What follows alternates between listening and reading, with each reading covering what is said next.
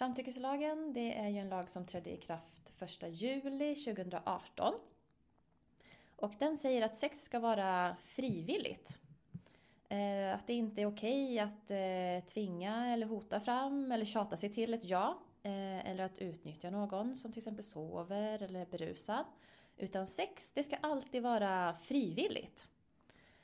Ehm, och sex med, någon, sex med någon som inte gör det frivilligt, ja det är olagligt. Eh, det kan vara ett sexuellt övergrepp eller en våldtäkt lite beroende på vilken sorts sex det handlar om. Så det som samtyckeslagen säger det är helt enkelt att alla som deltar ska göra det frivilligt och ska visa att man vill det. Det kan man göra på olika sätt. Till exempel kan man säga ja eller visa så att man, eh, ja, men att man eh, tycker att det som man gör känns bra eller skönt. Med kroppsspråk eller blickar eller ja, eh, stön eller så. Om det inte finns ett ja, ja men då är man ansvarig för att stanna upp och stämma av.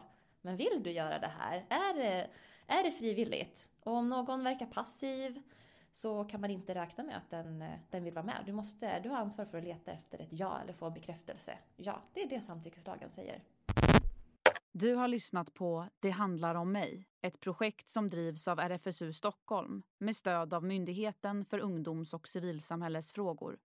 Podden är producerad av Jasmin Rastegar.